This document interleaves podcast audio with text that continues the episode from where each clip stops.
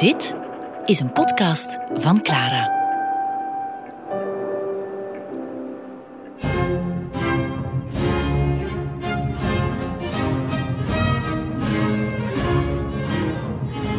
De Zonnekoning. Met Johan op de Beek. Op uh, die jonge leeftijd uh, is het leven van, uh, van onze vriend Louis natuurlijk niet alleen samengesteld uit balletdansen en hoofdse kunsten aanleren en dergelijke meer. Nee, nee, hij is een vorst uit zijn tijd. Hij is een vorst die houdt van het militair en is een vorst die absoluut wil uh, aan het hoofd van het leger staan als er moet gevochten worden. En er moet gevochten worden, want ja, het is oorlog met Spanje nog maar eens. In 1658 gaan, gaan de Spanjaarden vanuit Vlaanderen, vanuit Veurne en vanuit Niepoort de Duinkerken bedreigen. Dat is een belangrijk Frans toegangspunt tot de, tot de Noordzee. En voilà, Louis XIV en zijn kardinaal, ze trekken naar Calais en daar gaat het beleg van Duinkerken georganiseerd worden. Hij gaat dat persoonlijk willen leiden. Dat is een heel slecht idee voor de rest, volgens de rest van het hof, gevaarlijk. En Mazarin, die, die, die, die, die is eigenlijk half in paniek, want die, die ziet al zijn levenswerk, want zo moet je je dat toch inbeelden. Hè? Louis is de, de creatuur van Mazarin, is degene die die nieuwe monarchie gaat moeten, uh, gaat moeten leiden en naar grote hoogte brengen. Well, het kereltje kan zomaar van zijn paard geknald worden voor de ogen van de kardinaal. En hij gaat, dat, uh, hij, hij, gaat, hij gaat uh, alle mogelijke moeite hebben van de wereld om die vorst in toom te houden. En hij schrijft daarover de volgende brief.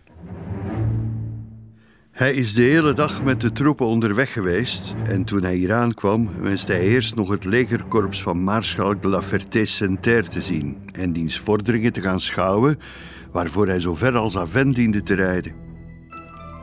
Hij is net terug en ik moet hem toch bewonderen. Die 15 uur in het zadel lijken hem niet te deren. Maar als hij zo doorgaat, dan zal zijn gevolg uitgeput raken. Iedereen hier hoopt dat de veldtocht hem op de lange duur gaat vervelen.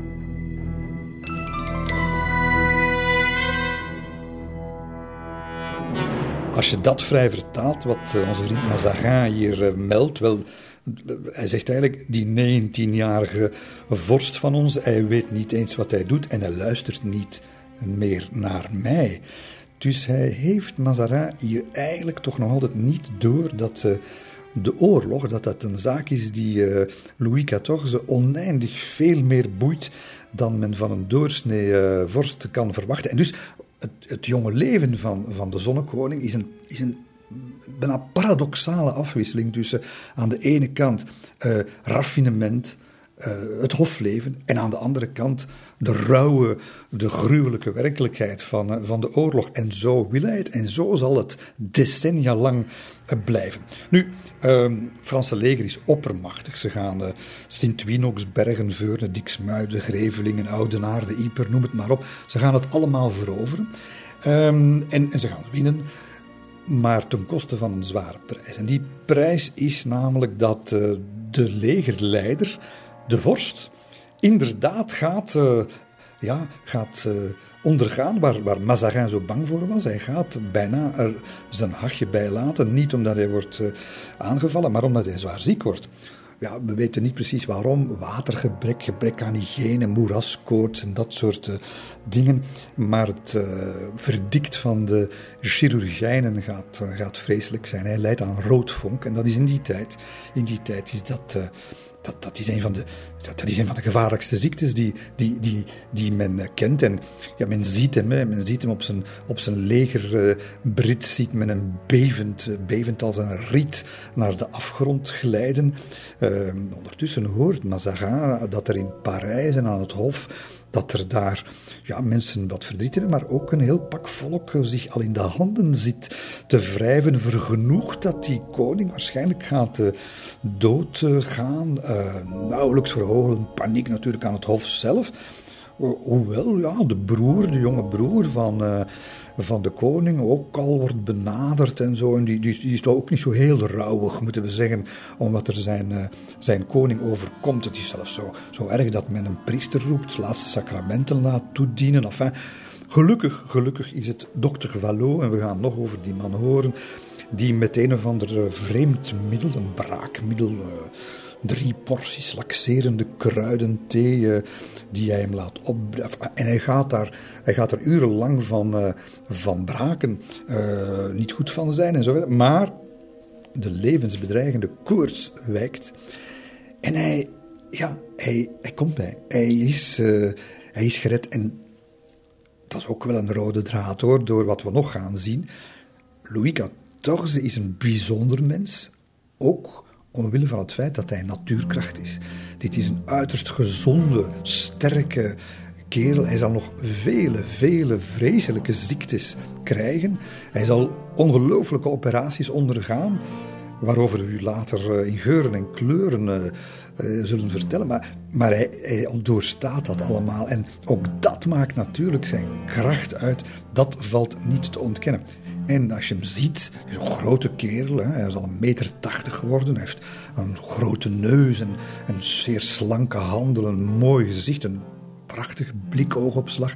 Ja, die, die breedgeschouderde atletische figuur, die wordt zelfs door zijn voormalige tegenstanders, de pinnige Anne-Marie-Louise d'Orléans, eh, de vrouw die, die, lelijke, die lelijke slaat dood, die ooit dacht uh, met hem te kunnen trouwen en die, eh, die het leger tegen hem had opgezet. Zelfs zij zal, zal met vurige ogen en met vurige mond die bink van een kerel beschrijven.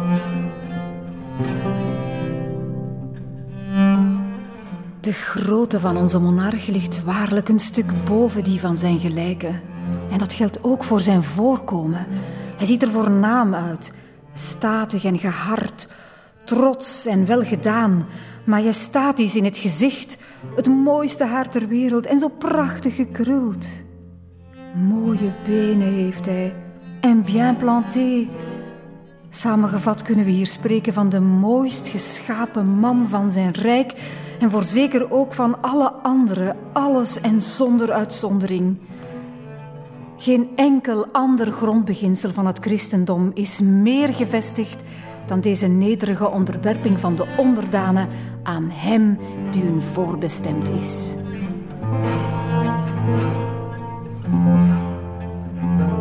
Nee, het was echt wel een sexy boy, maar er is een groot probleem. Na die ziekte verliest hij al zijn haar.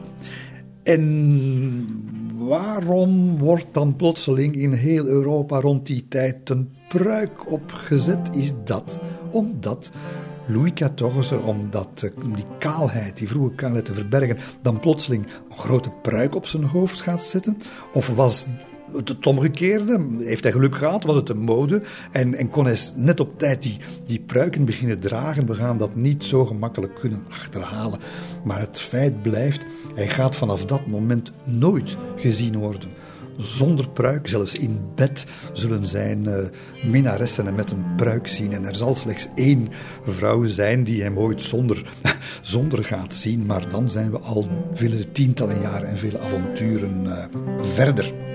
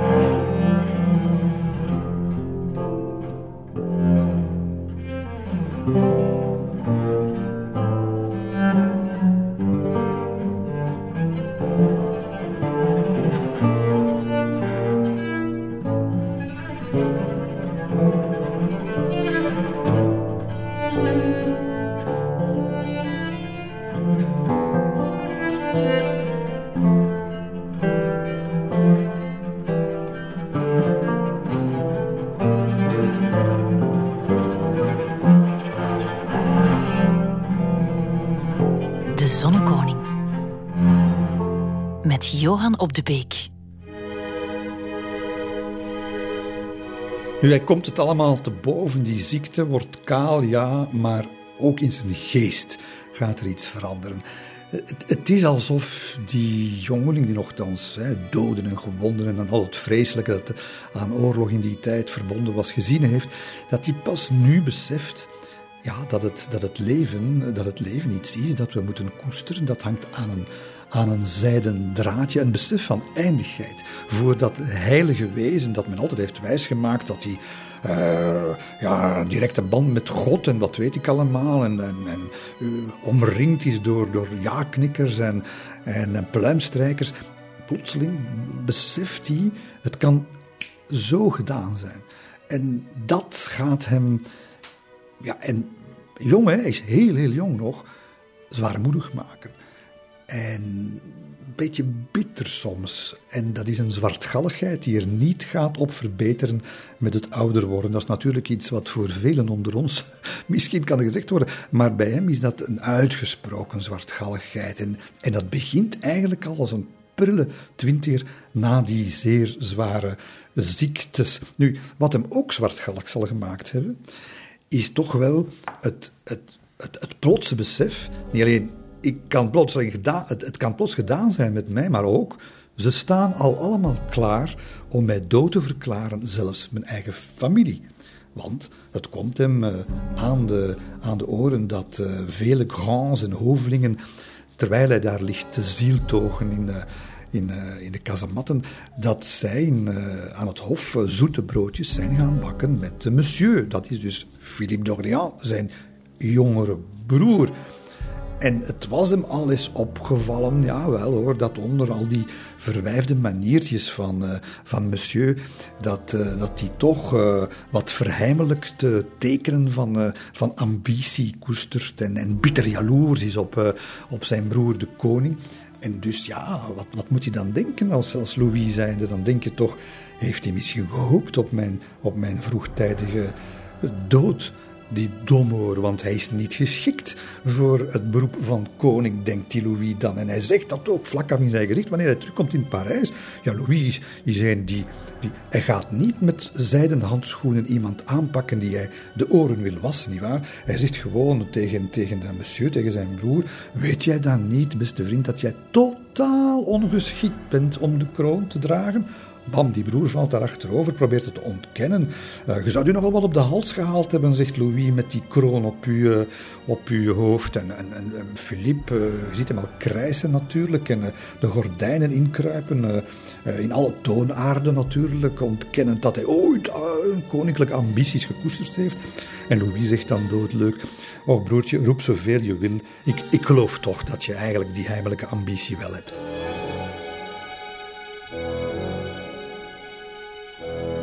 Nu, er is nog een ander verhaal verbonden aan dat ziekbed in Calais, in het legerkamp. En dat is namelijk dat uh, ja, er natuurlijk ook mensen zijn die het heel erg vinden wat hem overkomt. Waaronder, waaronder de zusjes Mancini. Weet nog wel, de, de, de, de vier nichtjes van de kardinaal van Mazarin. En uh, de jongste van dat, uh, laten we zeggen, erotische vierspan is uh, Maria, Marie Mancini.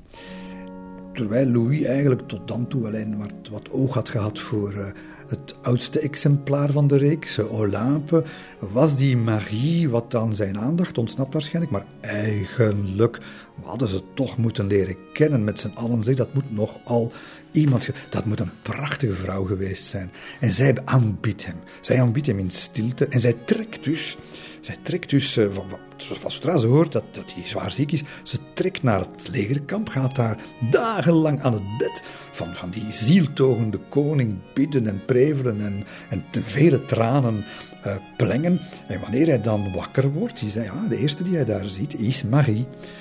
En ja, onder die eh, strakke kledij en dat corset vermoedt hij dan wel toch al meteen, want uh, als hij wakker is, dan is hij echt wakker, dan vermoedt hij al meteen een prachtig lichaam natuurlijk. En zij, zij vertelt, eh, terwijl hij bijkomt en uur na uur zijn zinnen hervindt, probeert hem te verstrooien met... En dan blijkt dat zij heel kunstzinnig is, heel literair beslagen, allerlei prachtige verhalen kan vertellen.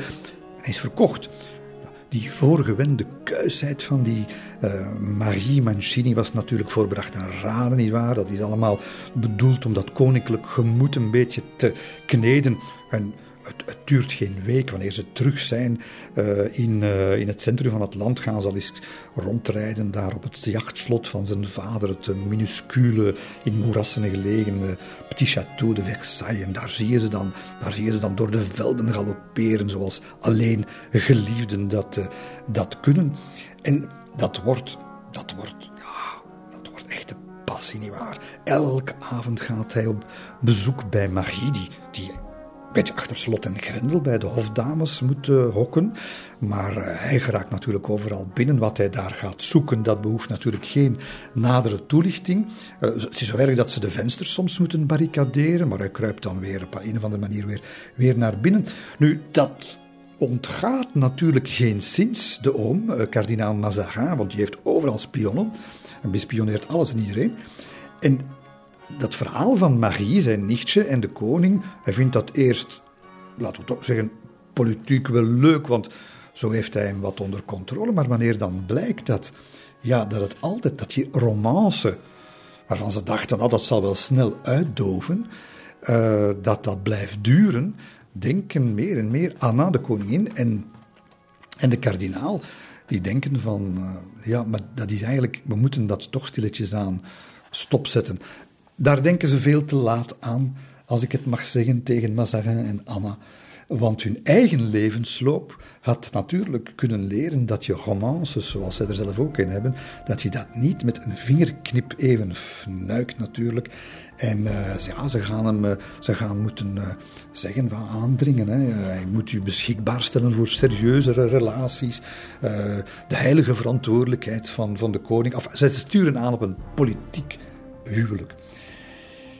Louis vindt dat Lari en apenkool. Een jonge gast. En hij wordt daarin gesteund door niet de minste. Want er zijn, eh, in die tijd zijn er al vrijgevochten vrouwen die dat ook vinden. En niet de minste, uh, namelijk de Zweedse koningin Christina. Die is namelijk helemaal uit het hoge noorden afgereisd om zijn balletkunsten te komen bewonderen. En wanneer zij dan uh, hoort over, ah, ik, ik, hou van Marie, en, maar ze willen mij met iemand anders laten, laten trouwen, dan, dan zegt ze...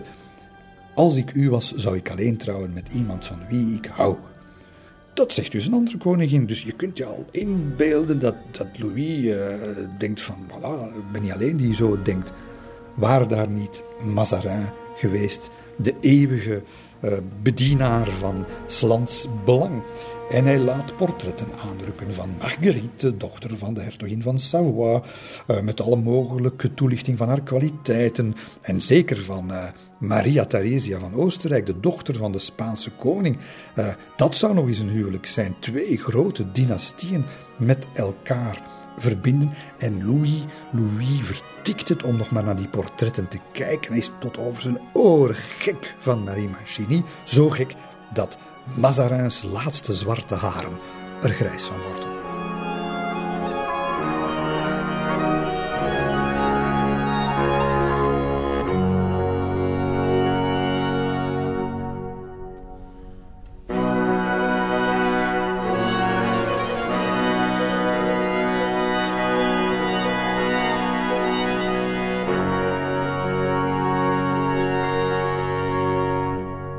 Nu gaat de, de, grote politieke strategie natuurlijk beginnen, want Spanje, dat grote wereldrijk, is niet meer wat het geweest is, verzwakt.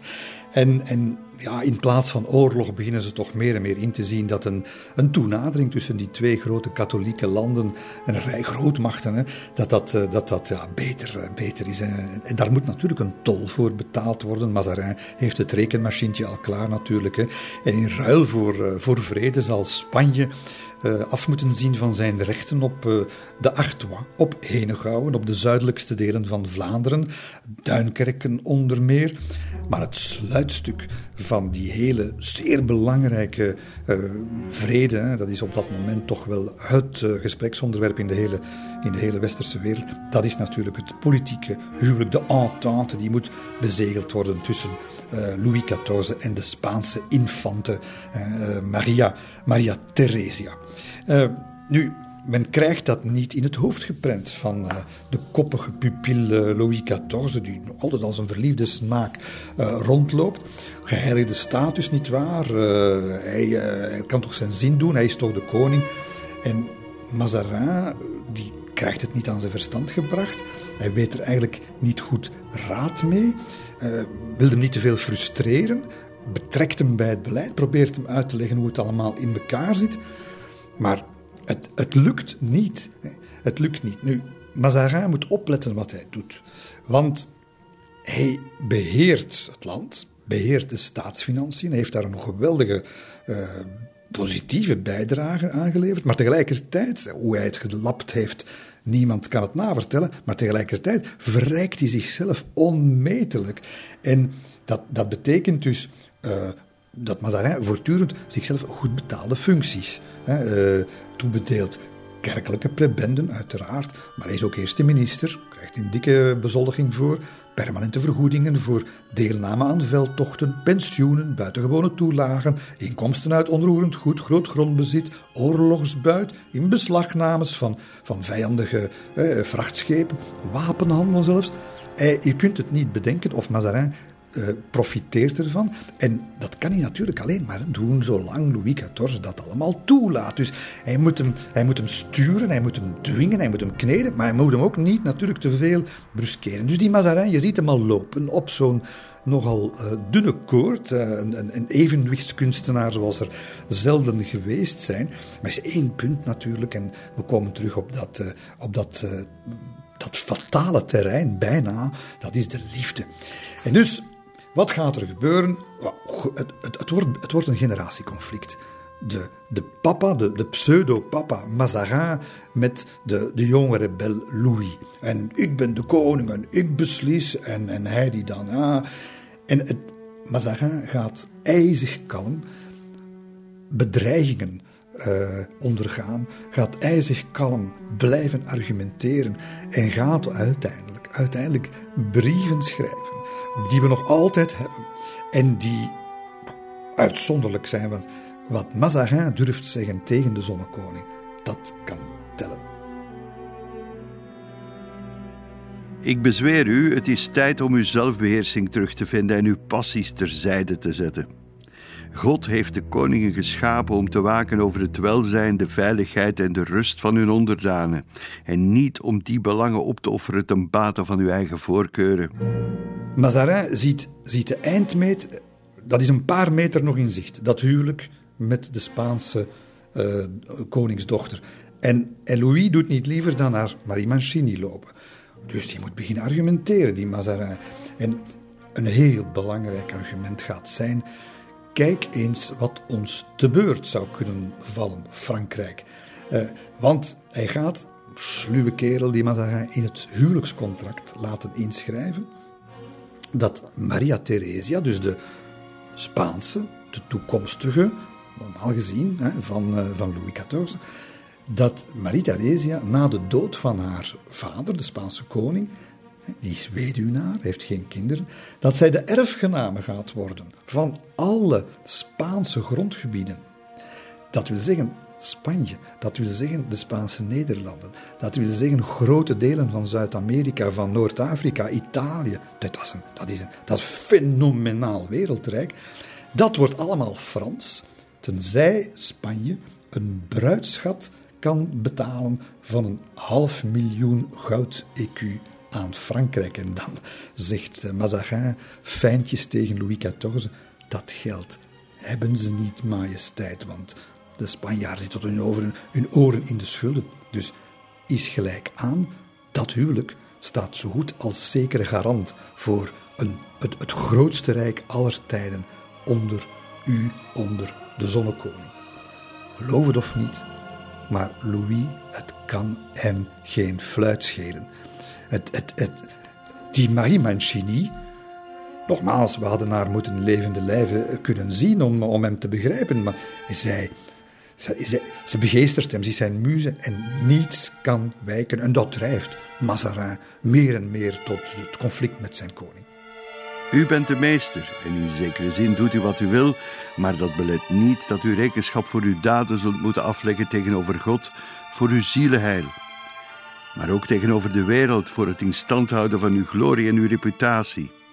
Wat u ook doet, hij zal u beoordelen op basis van wat u hem geeft.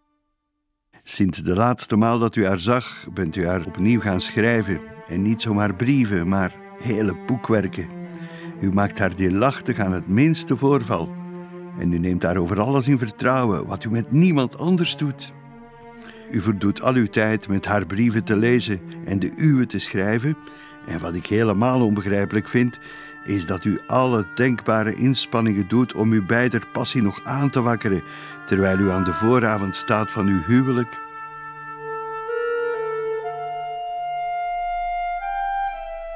Louis uh, leest het en antwoordt. En uh, zo'n antwoord in de zin van: we zullen nog wel eens zien wie er de sterkste is.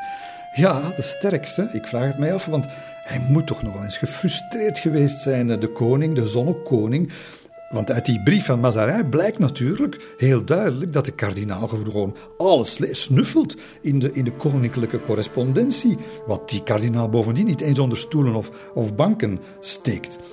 Nu, het uh, is al eerder in ons verhaal gebleken, de tandem uh, koningin Anna, de, de, moeder van Louis en kardinaal Mazarin, dat is natuurlijk een ijzersterk koppel en ze gaan het halen. Het is een achterhoedegevecht dat uh, Louis XIV hier voert. En zijn, met name zijn moeder toch eigenlijk vooral die hem zover krijgt om eindelijk af te reizen naar de grens met Spanje. En daar inderdaad ja, dat huwelijk aan te vatten, die, die, dat contract te tekenen en dergelijke meer. En hij vraagt, uh, met, met, met vele tranen smeekt hij om Marie Mancini, zijn, de liefde van zijn leven. Op dat moment, denkt hij, uh, nog één keer te kunnen zien. En ja, Anna gaat dan uh, moederlijk toegeven en ze gaan elkaar inderdaad zien nog een laatste keer in Saint-Jean d'Angély. Dat is een, een minuscuul dorpje tussen Poitiers en Bordeaux. En je ziet ze daar al hand in hand uh, rondstruinen, uh, de schouders tegen elkaar, het hoofdje droevig tegen elkaar aanwrijvend. Natuurlijk met een, de eeuwige gouvernante, Madame de Venel, 100 meter achter hen. van Madame de Venel, die, die Marie voor geen meter heeft gelost en al maandenlang elke beweging, elk woord, elke letter doorbrieft aan kardinaal Mazarin. Voor uh, een koning was er geen plaats voor sentiment. Toch niet sentiment dat bindend kon zijn. Sentiment dat kon leiden tot een lange verbintenis, zoals een huwelijk. Daar was geen plaats voor. Er was plaats voor wat gestoei en, uh, en, en wat gestoei in de marge, maar het mocht vooral geen consequenties hebben. En dus je hebt hier te maken met een, met een jonge man die in de fleur van zijn leven is, die, die lichamelijk en geestelijk uh, maar één ding ziet, dat is uh, de liefde proberen te vinden. Je hebt dat ook, uh, er zijn de hele traditie van, van, van de minnezangers. je kunt geen boek openslaan of het gaat erover. En hij mag dat niet. Hij mag zijn, zijn zin niet doen.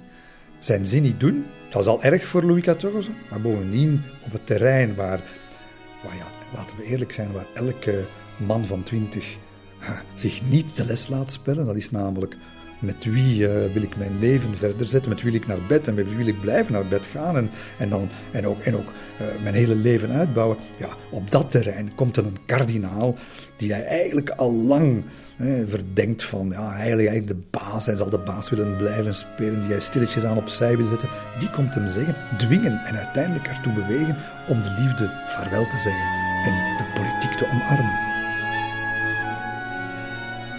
Maar hij neemt afscheid. Hij neemt ook mentaal afscheid van die vrouw. En opnieuw, opnieuw het is een, een nieuwe fase in zijn ontgroening. Na het besef van de eindigheid van het leven dat hij, dat hij uh, opdoet in, uh, in Calais, wanneer hij daar zo ziek is geweest, komt nu het besef van de, de, kon, de onontkoombaarheid van de, van de koninklijke plicht, dat plichtsbewustzijn. En het is de klik die hij nu gaat maken. Het is de, de jonge passie, de emotionele opstandigheid die plaats maakt, definitief, voor zakelijke nuchterheid en koele zelfbeheersing.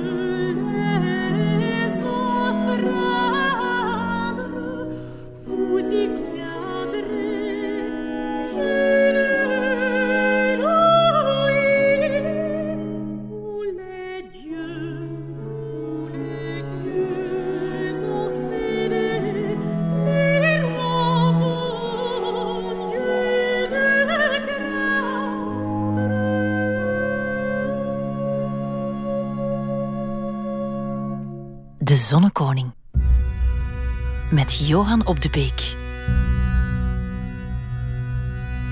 Louis is uh, een prille twintiger en hij uh, is dan eigenlijk al de persoon die hij de rest van zijn leven uh, zal zijn. soeverein, onpeilbaar.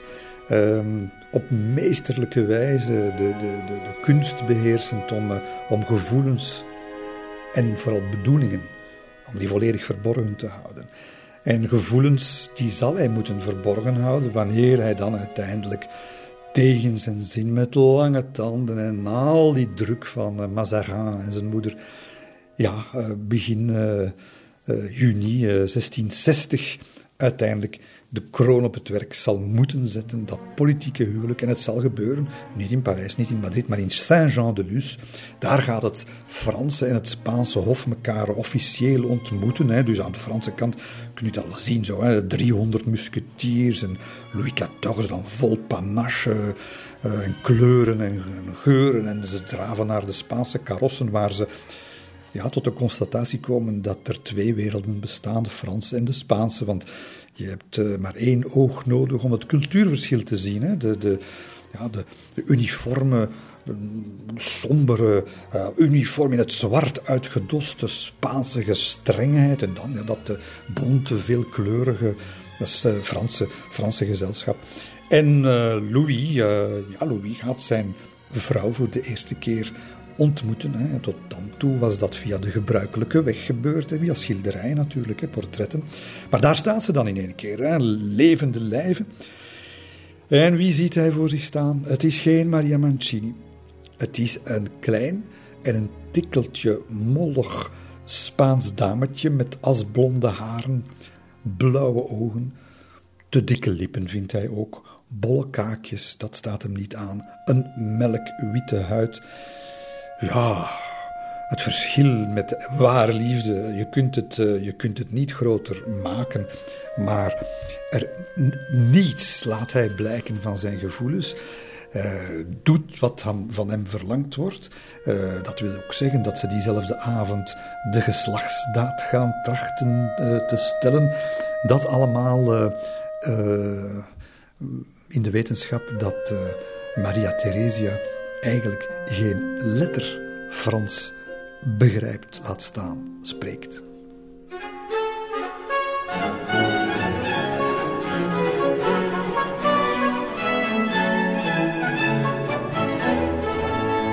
Het eh, prille vorstenpaar gaat eh, zijn blijde intrede maken in Parijs op 26 augustus 1660. Dat wordt een optocht die niet minder dan vier uur lang gaat duren met alles erop en eraan. De, de, de vrede natuurlijk wordt daar geweldig bewierookt, want daar was het om te doen.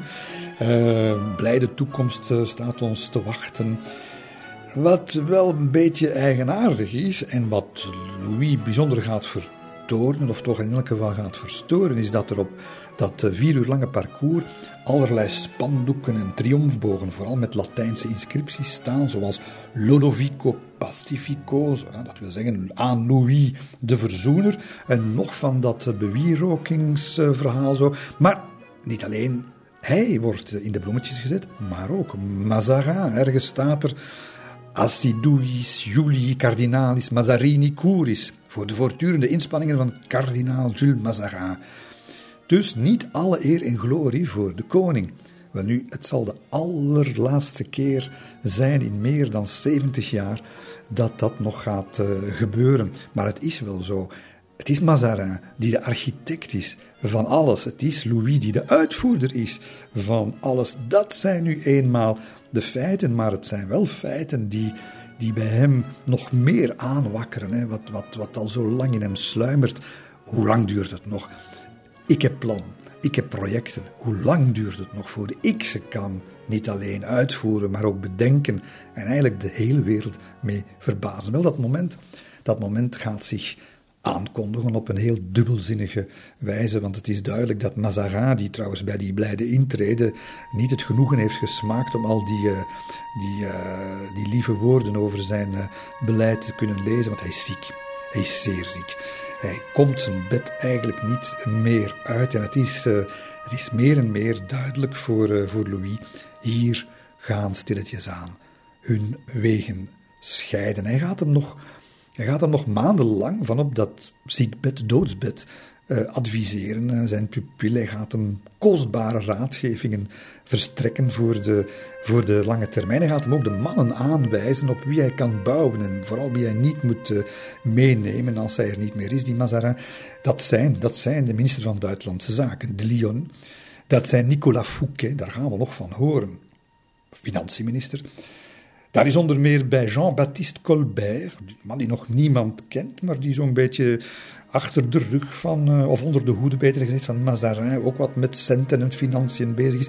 Zeker en vast ook staatssecretaris voor oorlog Michel Letellier en zijn talentrijke jonge zoon François, die men ook wel eens Marquis de Louvois noemt. Louvois, we gaan er zeker nog veel over horen. En dan is ja, de vraag wie, wie van die mannen moet Mazarin opvolgen? Wie wordt dan de, de nieuwe eerste minister?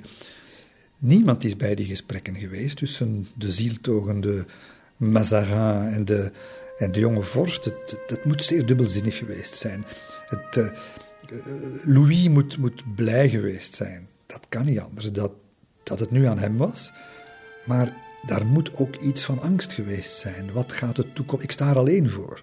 Die sterke, dat scherpe intellect, die, die alles kunner en alles weter, die geestelijke vader die de kardinaal was, die gaat binnenkort uh, mij definitief verlaten en ik ga het alleen moeten waarmen. Dat zijn toch dingen die moeten, die moeten gespeeld hebben en, zeker ook dus die opvolging. Eerste minister, wie gaat het allemaal doen? En Louis laat niets blijken tegen Mazarin over iets wat de beslissing wie die eerste minister gaat worden. Iets wat hij al weet.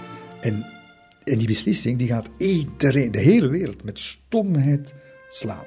Nu, het, het moet wat geweest zijn, hè, want Mazarin, als je dat nagaat, die verdiensten, die zijn, die zijn, die zijn enorm. Hij, heeft, hij heeft de monarchie behoed voor de fronde, voor de opstand van de adel. Hij heeft de staat, de nieuwe staat gemaakt. Uh, maar hij heeft een aantal problemen wel nog uh, niet onopgelost gelaten, zoals Richelieu, zijn voorganger. Met name de godsdienstconflicten. Katholieke kerk, die intern verdeeld is door het uh, Jansenisme, een stroming die, by the way, zijn oorsprong vindt in Vlaanderen. zeggen een, strenge interpretatie van de officiële geloofsleer tegen de toenemende macht van de koning, ook die toch koning die toch hè, de, de leider van de Franse kerk ook is. Dat Jansenisme Dat is heel verdacht in de ogen van, van Louis XIV. En tweede groot godsdienstig probleem, dat is het, ja, dat is het protestantisme, de hugenoten, die nu ondertussen al decennia lang genieten van godsdienstvrijheid sinds het edict van Nantes, dat ondertussen uh, van 1598 is. Maar uh, daar smeult ook een geweldig conflict, want Louis heeft, heeft gezworen wanneer hij, wanneer hij koning werd dat hij de ketterij zou vernietigen. Niets meer of minder dan dat. Protestantisme, dat is, een, dat is een aberratie in zijn ogen. En, en die twee problemen erft hij wel van, uh, van Mazarin. Ehm, we zullen er later nog veel meer over horen, maar het wordt uh, februari 61. En voilà, op aanraden van de dokters gaat, uh, gaat Louis ja, eigenlijk slapen in het kasteel van Vincennes. Ehm, waar de kardinaal zijn laatste dagen meemaakt. En wanneer, wanneer hij daar aan, uh, aankomt, dan, ehm, dan eh, gaat de kardinaal nog eens een laatste sluwe truc uithalen. Want wat gaat hij doen, zegt die kardinaal, met dat ongelooflijke fortuin? Hij, wil erover waken natuurlijk dat dat fortuin uh, dat een beetje een loesje oorsprong heeft natuurlijk. Met al die fraude en die, uh, en die, uh, die on, onterechte inkomsten. Dat dat niet zomaar verloren gaat, dat zijn familie daar kan van genieten. En wat vraagt hij aan Louis XIV? Hij zegt, kijk, uh, kunt u dat fortuin van mij in bezit nemen? Dat, en Louis, Louis begrijpt heel goed wat, die is niet van gisteren natuurlijk, die, die begrijpt heel goed wat, welk plan hier ontplooid wordt. Want Mazarin die wil natuurlijk de legalisering van dat loesje fortuin. En hij, door de schenking aan de koning maakt hij dat onbetwistbaar, maakt hij dat eigenlijk uh, legaal. En hij rekent er natuurlijk op dat de koning moreel gezien niet anders gaat kunnen na de dood van Mazarin, om dat fortuin gewoon verder te schenken aan de familie. Tegenwoordig noemen we dat witwassen. Wel nu, kardinaal Mazarin was de witwasser natuurlijk van uh, de hele barokperiode. En ja, die, hij is niet de enige hoor die daar rondloopt, de koning. Want stel u voor, wanneer hij daar in Vincennes uh, uh, binnenkomt en, uh, en naar, zich naar de slaapkamer van de kardinaal, moet hij zich door een hele mensenmassa wurmen. Zijn lijfwachten moeten daar de ene na de andere opzij duwen. Dat staat daar vol volk, schoon volk, duur volk, die allemaal nog een, nog een laatste gunst willen ontfutselen aan de stervende machthebber, de kardinaal. Zo, zo erg is het. En eh, de kardinaal tot op zijn doodsbed en eigenlijk tot in de dood gaat, uh, nog, gaat nog een heel bepalende rol spelen.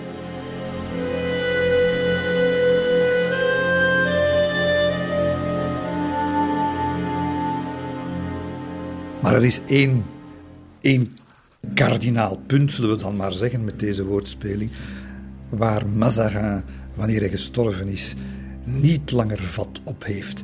En dat is het moment waarop niet alleen de zonnekoning uh, als, uh, als zinnebeeld, als symbool uh, geschapen is, maar wanneer de zonnekoning ook als machtsmens, als leider van de staat, als politiek beest gaat opstaan.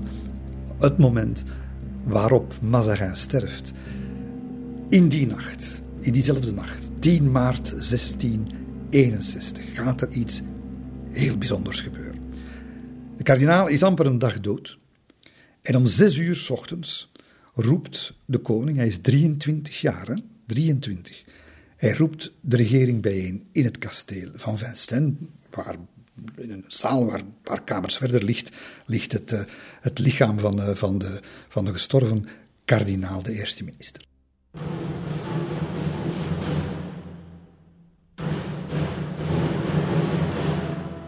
Het eerste wat, wat opvalt is dat uh, zijn moeder uh, bevel krijgt om zich voortaan nooit meer te vertonen op wat men noemt de Conseil d'en haut. Men gaat dat begrip nog horen, dat is de, de belangrijkste regeringsraad. En zij, zij is verbouwereerd natuurlijk, zij die alles als regentes natuurlijk alles beredderde samen met Mazarin, die hem alles geleerd heeft. Uh, en ze gaat hem toewerpen dat ze, dat ze kapot is van verdriet. pouvez imaginer le chagrin que vous me faites. Repoussé par Monsieur Mazarin, dont j'avais fait la fortune, je le fais maintenant par mon fils. Louis, hij geeft geen krimp. Uh, ze, ze, zij gaat daar zelfs een berisping geven, omdat ze zich tot een van de ministers had gewend uh, in zijn afwezigheid. En hij gaat daar gewoon koudweg zeggen: Madame, doe dat nooit meer zonder mij om toestemming te vragen. J'ai 22 ans, ma mère. Et je suis votre roi. Dat, dat komt nogal aan, zeg. Zij, zij is verontwaardigd. En zij roept, uh, koningin moeder, dat, dat wel eens allemaal zal vertellen, al dat verdriet aan haar hofdames. Ha, dat is nu net wat het uh, politieke brein van Louis XIV, die 23-jarige, voorspeld had en gehoopt had. Want hij wil, hij wil dat um, iedereen, zoveel mogelijk mensen, op de hoogte zijn van wat hij daar doet. Dat is hem, dat is hem eigenlijk, uh, voor hem is dat heel belangrijk, want hij gaat niet alleen die moeder aan de kant zetten. Maar het hele Hof gaat moeten beseffen dat er een nieuwe tijd is aangebroken. Dat er een nieuw soort koning is opgestaan. En wat die koning wil. Die koning wil de macht. Die koning wil alle macht. En het zijn de ministers die daar om zes uur s ochtends zitten in grote verbazing. Er is niemand van de familie. De moeder is er niet meer bij. Al aandacht is, uh, is gericht uh, op de koning. Hij heeft trouwens in de vroege, in de vroege nacht heeft hij nog gauw een, uh, een briefje gedicteerd, een nota die we in zijn memoires gaan terugvinden aan zijn secretaris Toussaint Rose. Een nota die eigenlijk al heel veel zegt van wat die 23-jarige in zijn gedachten heeft. Alle aandacht is gericht op de koning. Hij is het aan wie alle wensen gericht worden. Alleen hij ontvangt blijken van respect. Alleen hij is de bron van alle verzuchtingen. Men verwacht. Men doet niets zonder hem. Al het overige is kruiperigheid. Al het andere is onmacht. Al de rest is steriel. De koning die geboren is om alles te bezitten en iedereen te bevelen, is slechts verantwoording verschuldigd aan God. De wil van de koning is dat een ieder die geboren is als zijn onderdaan, hem gehoorzaamt. En u, u ziet dus al in welke geestesgesteldheid daar om uh, zes uur s ochtends uh, in de raadzaal uh, acht regeringsleden door de koning zullen worden uh, ontvangen. Hij kijkt hen één voor één lang in de ogen. Dat waren ze al niet gewoon. Ze zitten daar, hè, de kanselier, Ségurier, Fouquet, de belangrijke financiënminister, Lyon, Letellier. En zij zitten, hij staat recht. Zij hebben hun hoed afgenomen. Hij houdt zijn hoed op het hoofd. Allemaal dingen die hen al een beetje ja, uh, destabiliseren, want zo ging het er niet aan toe onder de kardinaal. En ze zijn vooral overdonderd door zijn toon. Want hij gaat helemaal in tegen uh, hun verwachtingen. Hun verwachtingen, die natuurlijk zijn dat zijn eerste beslissing zal zijn: Mijn heren, uh, onze dank aan de vorige eerste minister, kardinaal Mazarin. Ik duid nu zijn opvolger aan en dat wordt X, Y of Z. Maar groot groot, wat zeg ik, dat is een understatement. Uh, onafzienbaar is hun verbazing wanneer hij hen toespreekt met de eerstvolgende woorden. Mijn heren, ik heb u ontboden om het volgende te melden. Tot nog toe behaagde het mij om de leiding van onze regering over te laten aan Wijle de kardinaal. Het ogenblik is aangebroken voor mij om nu zelf de regering in handen te nemen. Ja, met, met het gevoel voor, voor de timing en voor retoriek dat hij al zo vaak in zijn balletopvoeringen heeft, uh, heeft tentoongespreid, uh, geeft hij daar een, een, draai om de, om de oren, uh, die, die ministers. En hij, hij, laat het daar niet bij, want hij gaat even poseren. U ziet dat, een toneelstuk, hè? hij poseert even om die boodschap van, uh, van daarnet te laten doordringen. En dan, ja, zoals een, zoals een, een toneelacteur verheft hij de stem. En dan komt het volgende. Geen zegel zal geplaatst worden. Geen handtekening gezet. Geen vrijgeleide of paspoort wordt uitgereikt zonder mijn bevel. Dit theater krijgt een ander aanzien, mijn heren. Ik zal de staat regeren volgens andere principes. De schatkist zal op een andere wijze beheerd worden. De betrekkingen met het buitenland zullen door mij aangestuurd worden. Ja, nodeloos om te zeggen dat niemand dit verwacht had. Hè. Ze kennen hem als een wat terughoudende jongeling, prachtige balletdanser, maar die nooit een woord durft zeggen als Mazarin erbij was. En, en, en dat, dat blijkt allemaal toneel geweest te zijn.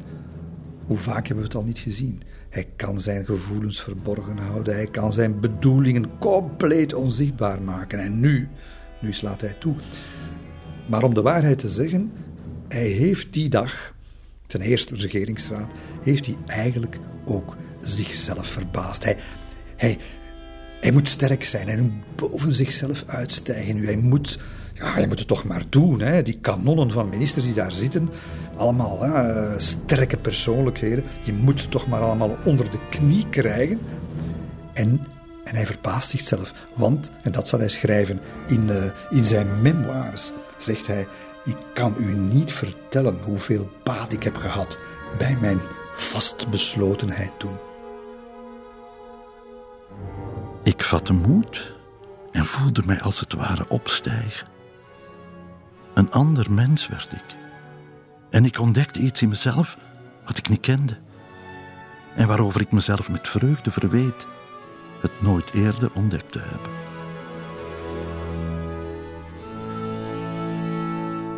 Ook al vond ik het imponerend om beoordeeld te worden wanneer men in het openbaar het hoge woord moet voeren, in minder dan geen tijd viel die schroomvalligheid van mij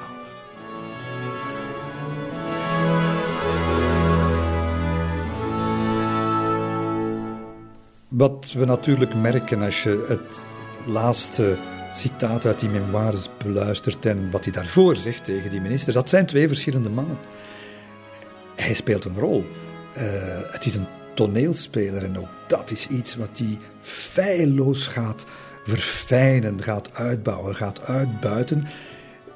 Louis XIV, de vorst, dat was een staatsman en een toneelspeler. Louis XIV, de man van de memoires, de man van de intimiteit, de man van het uh, gezellige appartementje later van Madame de Maintenon en het haardvuur, dat zijn, dat zijn andere werelden. Die twee, die twee zien elkaar regelmatig, maar hebben een ander leven. En dat voel je heel duidelijk uh, hier, wanneer hij, uh, wanneer hij zegt: Kijk, ik moest daar mezelf toch wel eens even opnieuw uitvinden, daar, voor die, voor die vijandige ministers. En bij die vijandige ministers zit er eentje waarvan hij nu al weet dat dat wordt de gevaarlijke. Dat is degene die ik moet onder de knoet krijgen. En wie is dat? Dat is de surintendant, zoals men dat noemt, de minister van Financiën, Nicolas Fouquet. Fouquet, een naam die vandaag nog altijd slaat als een klok. Die Fouquet, dat is uh, niet de eerste de beste. Dat is de man die de financiën beheert, maar die zelf steenrijk is. Die over uh, geweldige uh, bezittingen beschikt, die over een eigen legertje beschikt, die de Noordzeevloot in handen heeft en die een fantastisch mooi kasteel heeft laten bouwen in Vaux-le-Vicomte.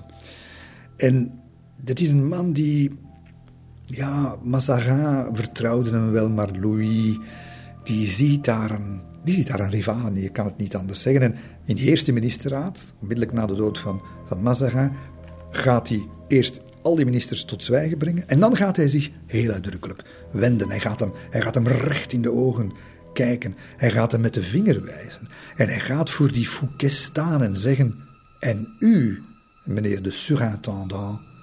U heb ik al uitgelegd wat mijn wil is. Ik wens dat u zich voortaan laat bijstaan door Colbert, die wel de kardinaal mij heeft aanbevolen. Colbert, de grote Colbert. Het is de eerste keer dat hij, dat hij opborrelt. Colbert, een, een, geheim, een geheim genie. Ook geen engeltje, niet waar? Dat is een man die over, over lijken zal gaan, maar het is wel de geheime troef. De geheime troef die Louis XIV in zijn binnenzak heeft zitten om die Fouquet, die machtige financieman, om die op de knieën te dwingen.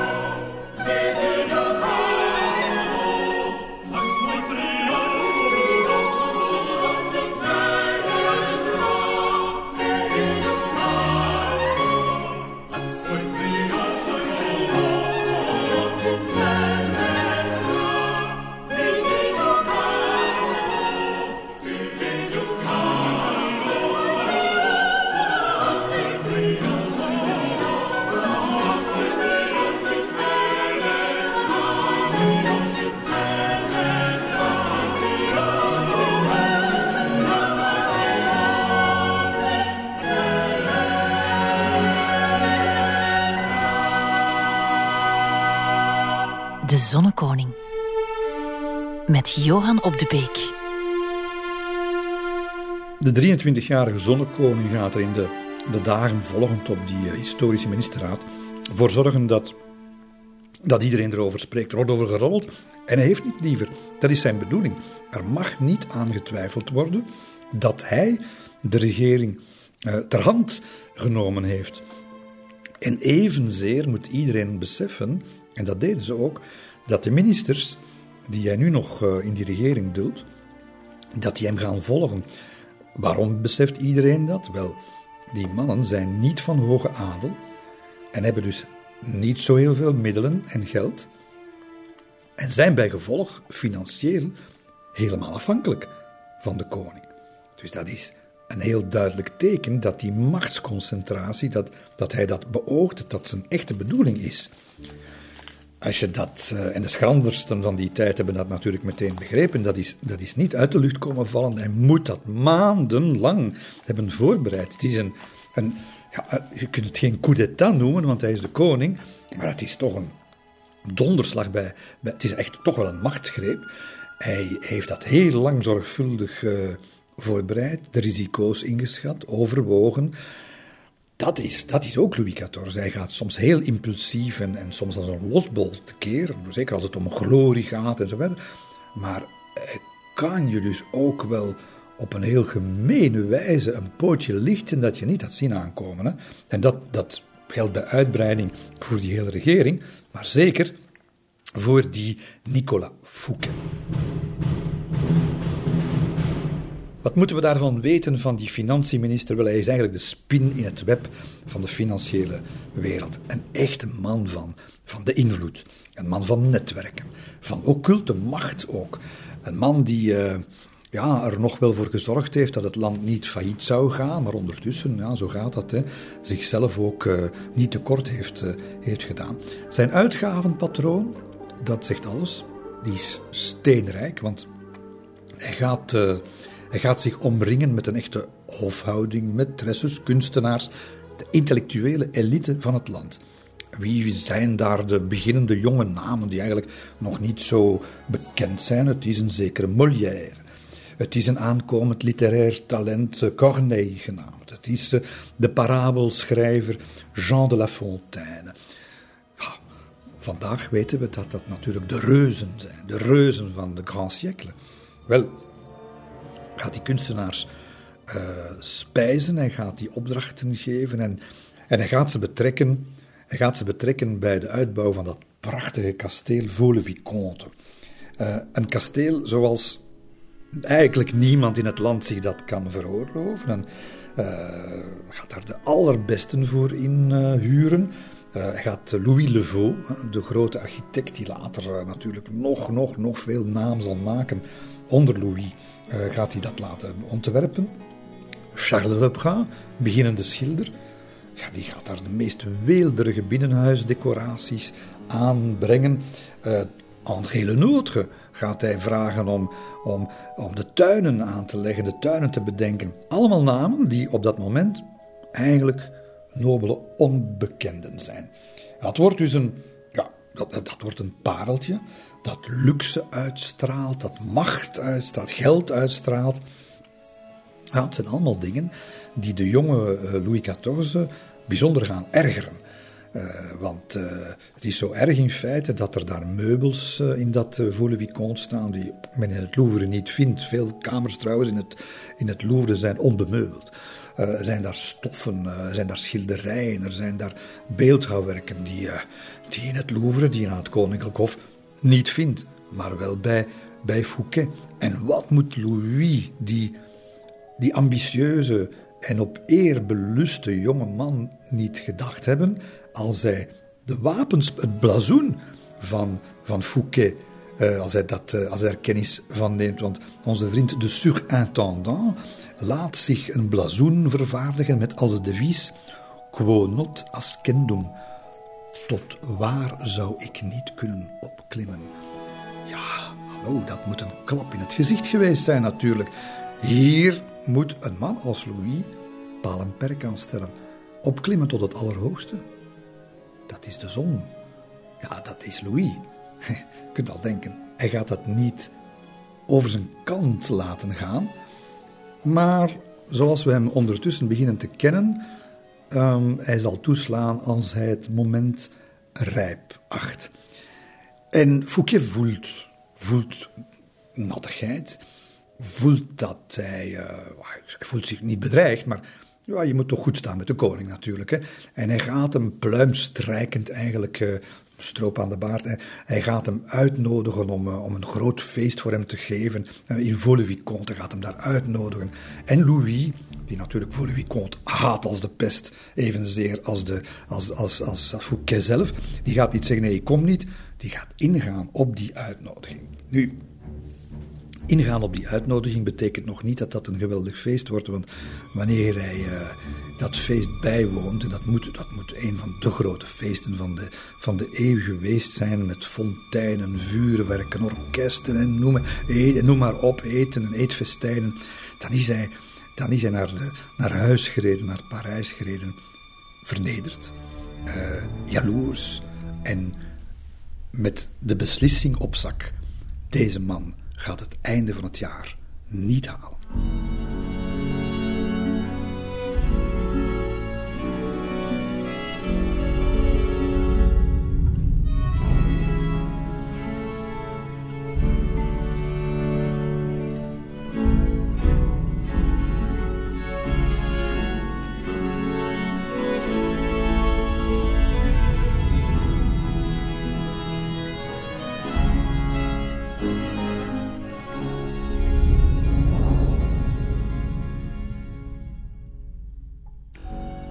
Fouquet waant zich eh, onaantastbaar, maar begint blunders te, te slaan. In, uh, in 1661 is het zo dat, uh, dat de koning zijn eerste grote bekende minares uh, zal hebben. En dat is Louise de la Vallière. We gaan er later nog op terugkomen, maar wat is nu bijzonder? Louise de la Vallière is, is wat, voelt zich wat zondig, voelt zich wat schuldig ten opzichte van de, van de koningin. Is een hofdame van de koningin trouwens. En, en, en Fouquet komt dat aan de weet. Via een van zijn spionnen aan, aan het hof. Die spion die stuurt een briefje, we hebben dat, hè, schrijft daarin: De koning keert zich af van de devotie, gaat niet meer zo vaak ter communie en te biechten. En de oorzaak, hij slaapt met een hofdame. Fouquet is een man die denkt dat uh, met geld alles te koop is, ook de trouw van Louise de la Vallière, besluit die jonge vrouw te benaderen in het geniep, uh, biedt haar geld aan in ruil voor inlichtingen over wat er allemaal besproken wordt in de slaapkamer van Louis XIV. Dites à monsieur Fouquet que 20 000 pistoles ne sauraient me faire faire un faux pas.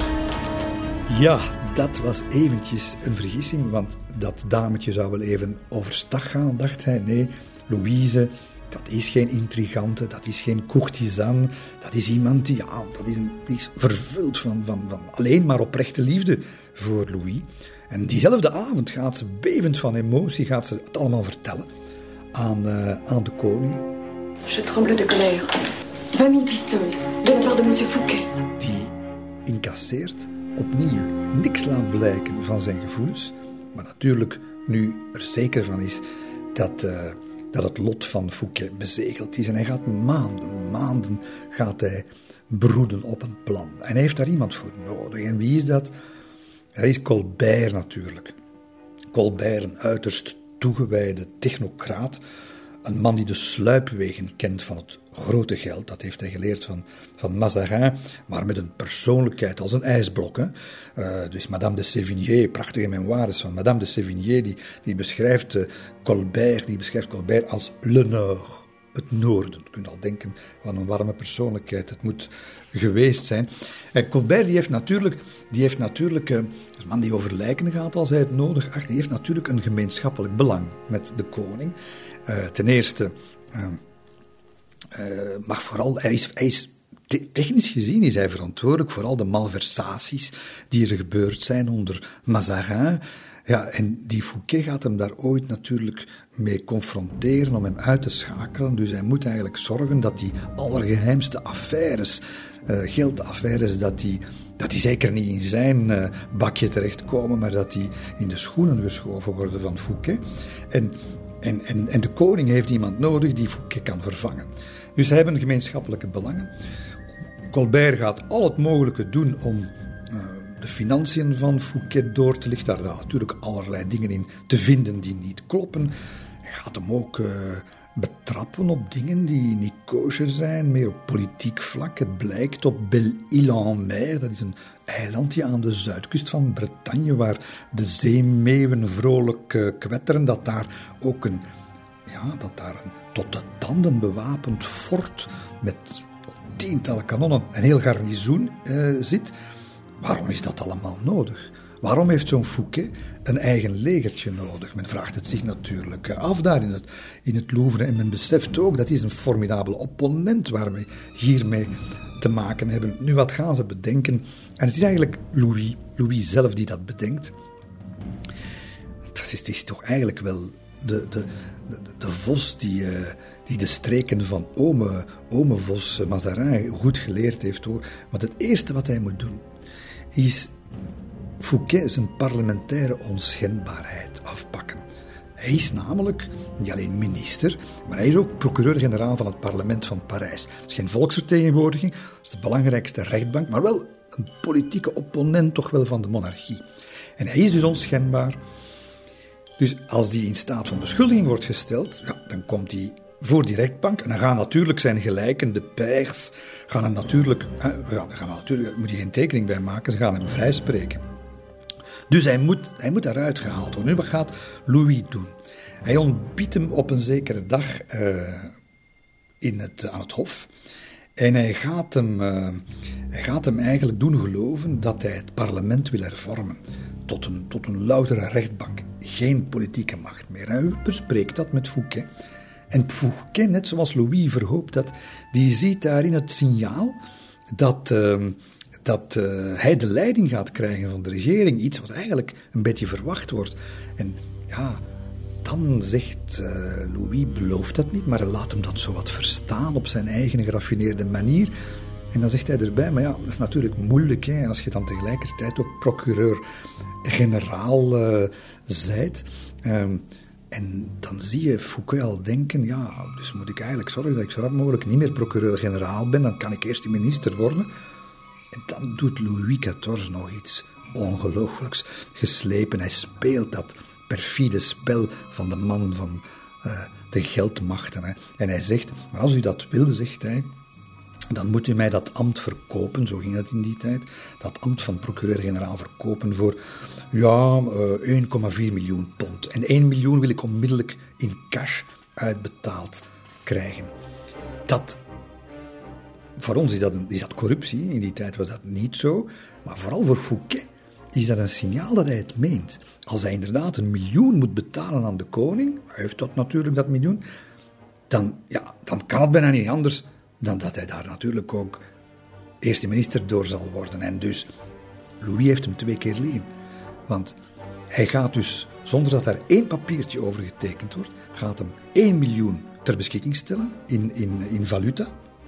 En hij gaat ontslag nemen als procureur-generaal en dus zijn onschendbaarheid opgeven. Hij denkt dat eh, die vorst alleen maar uit is op uh, jacht en vrouwen.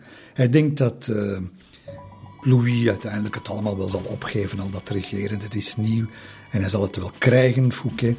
En hij heeft geen oog voor wat zich tegelijkertijd afspeelt op de feesten waar hij nogthans altijd bij is.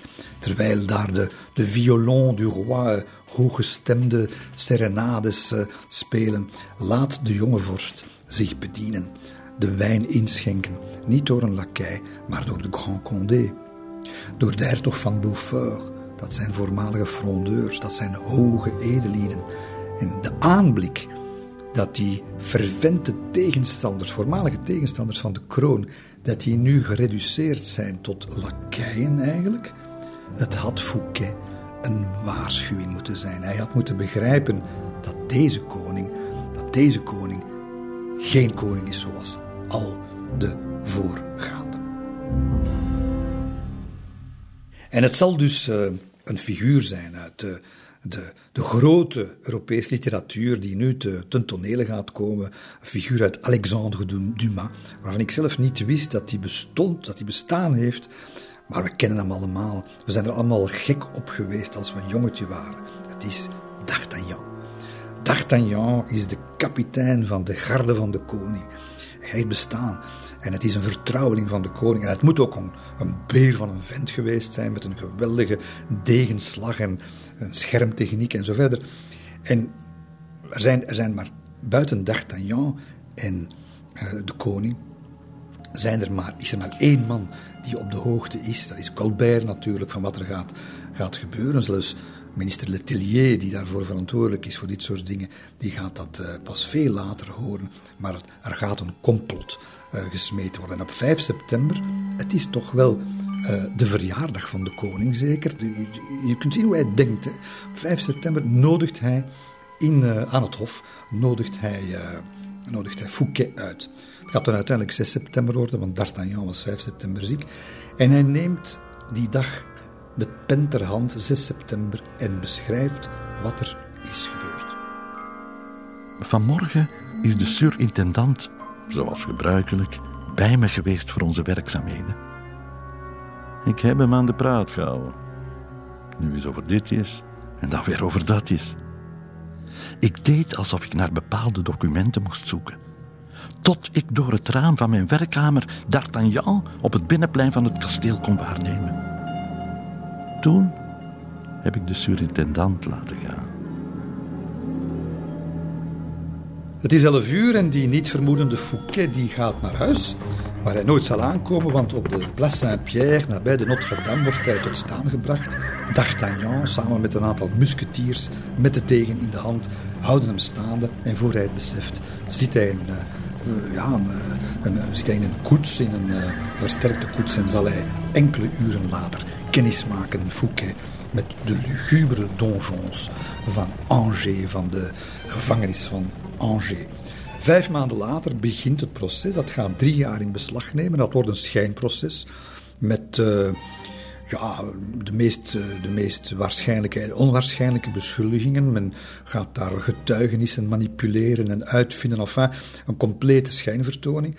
Uh, hij gaat veroordeeld worden tot voor onkundig beheer van de staatskas, maar wordt, en dus door het parlement, maar wordt vrijgesproken van majesteitsschennis en Verder wil die rechtbank niet gaan, maar Louis als koning heeft het recht om elke straf hè, te verlichten of te verzwaren. En dat doet hij natuurlijk. Hè. Hij gaat Fouquet, zijn grote tegenstander, zijn enige tegenstander nog, veroordelen tot levenslange opsluiting en tot de verbeurdverklaring van al zijn vermogens en bezittingen. Alle standbeelden van dat prachtige kasteel Vaux-le-Vicomte gaan allemaal later in de tuinen van Versailles te zien zijn. Hij gaat dat hele kunstenaarsteam met Molière, met Le Vaux, met Lenôtre, met Lebrun, hij gaat die allemaal inpalmen, overnemen van Fouquet. De enige die daar niet zal bij horen is Jean de La Fontaine, want Jean de La Fontaine is een rebel, is een man die, eh, de, de, de fabelschrijver, die wacht het om twee stukken te schrijven die toch wel als een bedekte verdediging van Fouquet worden opgevat. En dat gaat hem nooit vergeven worden. En dus die eh, de La Fontaine, toch een grootheid uit de literatuur, dat is de enige van zijn generatie die nooit toegang zal krijgen tot de vorst, die nooit bestellingen zal krijgen van het hof en die... jarenlang, uh, enfin, Louis zal er jarenlang zijn voet voor zetten dat, uh, dat La Fontaine mag, mag, mag opgenomen worden in de Académie Française. Rancune. Het was een rancuneus ventje hoor. Fouquet, Ocharme, hij gaat opgesloten worden in het fort van Pignerol. Dat is een naargeestige kuibelijke burcht ergens in het grensgebied van de Piemonte met drie kamers en, twee bedienden. Hij zal daar tot het einde waarschijnlijk, wel, we weten dat allemaal niet zeker, maar hij zal daar in de, ja, toch wel in, in een, sfeer van mysterie zal hij daar, uh, zal hij daar verblijven. Uh, we gaan daar nog op terugkomen later, maar laat het ons maar ophouden dat, dat ten gevolge van grote rancune, ten gevolge van te veel ambitie van zijn kant, dat die Fouquet ja, zal verrotten in de kerkers van de zonnekoning.